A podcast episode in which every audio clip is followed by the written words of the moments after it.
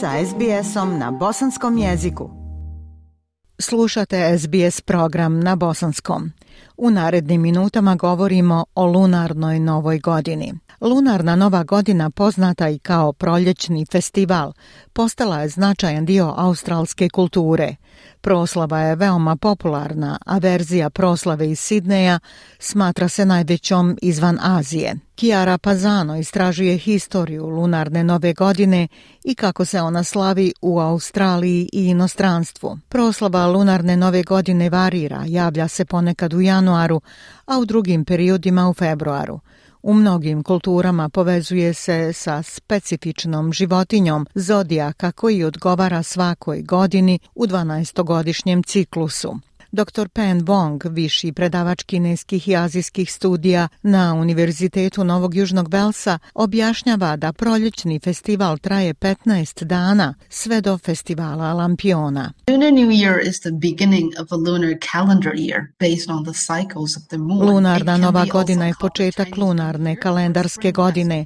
Na osnovu mjesečevih ciklusa može se nazvati i kineska nova godina ili festival proljeća.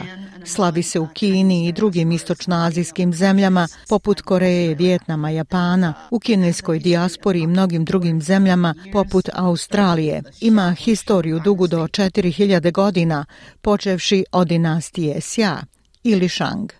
Dr. Kai Zhang radi na programu modernog kineskog jezika na školi za kulturu, historiju i jezik Australijskog nacionalnog univerziteta u Kamberi.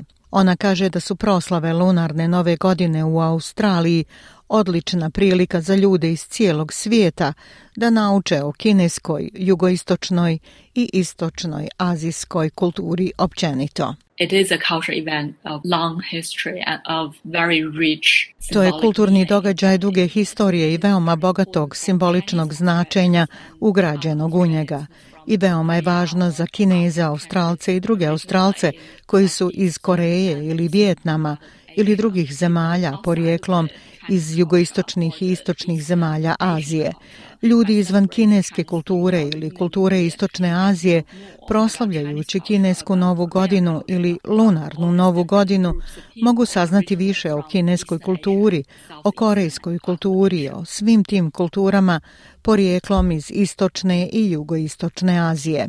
Doktorica Kai Zhang objašnjava da se festival Lampiona održava 15. dan po lunarnom kalendaru. It's called the Lanterns Festival because there is this tradition. Every family would make this little lantern Zove se festival Lampiona jer postoji tradicija kada bi svaka porodica napravila ovaj mali fenjer za svoju djecu. Oni bi upalili lampione ispred svojih vrata. Koliko se možemo vratiti u historiju, već za vrijeme dinastije Tang, djeca bi nosila svoje fenjere da odu sa svojom porodicom na pijacu. Lunarna nova godina se slavi na različite načine širom Australije. Doktorica Wang dijeli neke od tradicija. It's celebrated like through food, eating fish, dumplings, gathering with families and uh, Slavi se hranom, jedu se riblje, knedle, kroz porodična okupljanja i druženja sa prijateljima. Kineske zajednice također održavaju aktivnosti i radionice, uvode znanja o kineskoj kulturi. Također ples lavova, ples zmajeva, a crvena boja se smatra bojom sreće. Također je tradicija da kinezi daju crvenu kovertu djeci. Dr. Iris Tang je porijeklom iz kontinentalne Kine, ali u Australiji živi više od 20 godina. Ona ističe da je glavna razlika između proslava u Australiji i njenoj domovini to što Kina slavi produženi državni praznik tokom lunarne nove godine. Milioni ljudi putuju u svoje rodne gradove na porodična okupljanja tokom ovog perioda. Dr. Tang napominje da hrana igra ključnu ulogu u proslavama lunarne nove godine u Australiji, kao i u Kini. Personally, I celebrate with my family and friends here in Canberra. Ja je slavim sa svojom familijom i prijateljima ovdje u Kamberi, tako što pripremam gomilu hrane. Način na koji to radim je da sjedim za stolom i pravim stotine knedli od novogodišnje noći. A onda kad god uzmem vremena napravim više od jednog obroka i mogu se zamrznuti za kasnije da ih možete jesti kad god tokom cijele proslave nove godine koja često traje i do 15 dana, do praznika lampiona koji pada na 15. dan lunarne nove godine. Iako se gregorijanski kalendar naširoko koristi u savremenoj Kini, tradicionalni kineski kalendar i dalje je značajan tamo i među kineskim zajednicama u inostranstvu. To je zato što se tradicionalni kineski kalendar koristi za određivanje tradicionalnih praznika, kao što su lunarna kineska nova godina, festival Lampiona i Queen Ming festival. Osim toga pruža tradicionalnu kinesku nomenklaturu datuma unutar jedne godine, koja se koristi za odabir povoljnih dana za vjenčanja, sahrane, preseljenje ili pokretanje poslovnih projekata. Doktorica Pan Wang objašnjava važnost tradicionalnog kineskog kalendara u kineskoj kulturi. The Chinese traditional calendar is lunar solar. It's formed on the movement Kineski tradicionalni kalendar je lunarno-solarni. Formira se na osnovu kretanja mjeseca i sunca, tako da uzima u obzir i mjesečevu putanju oko zemlje i zemljenu putanju oko sunca. U ovom kalendaru početak mjeseca je određen mjesečevom fazom. Kao i u većini lunarnih kalendara, mjeseci traju ili 29 ili 30 dana, a početak godine određuje solarna godina. Varijacije tradicionalnog kineskog kalendara mogu se naći širom istočne Australije.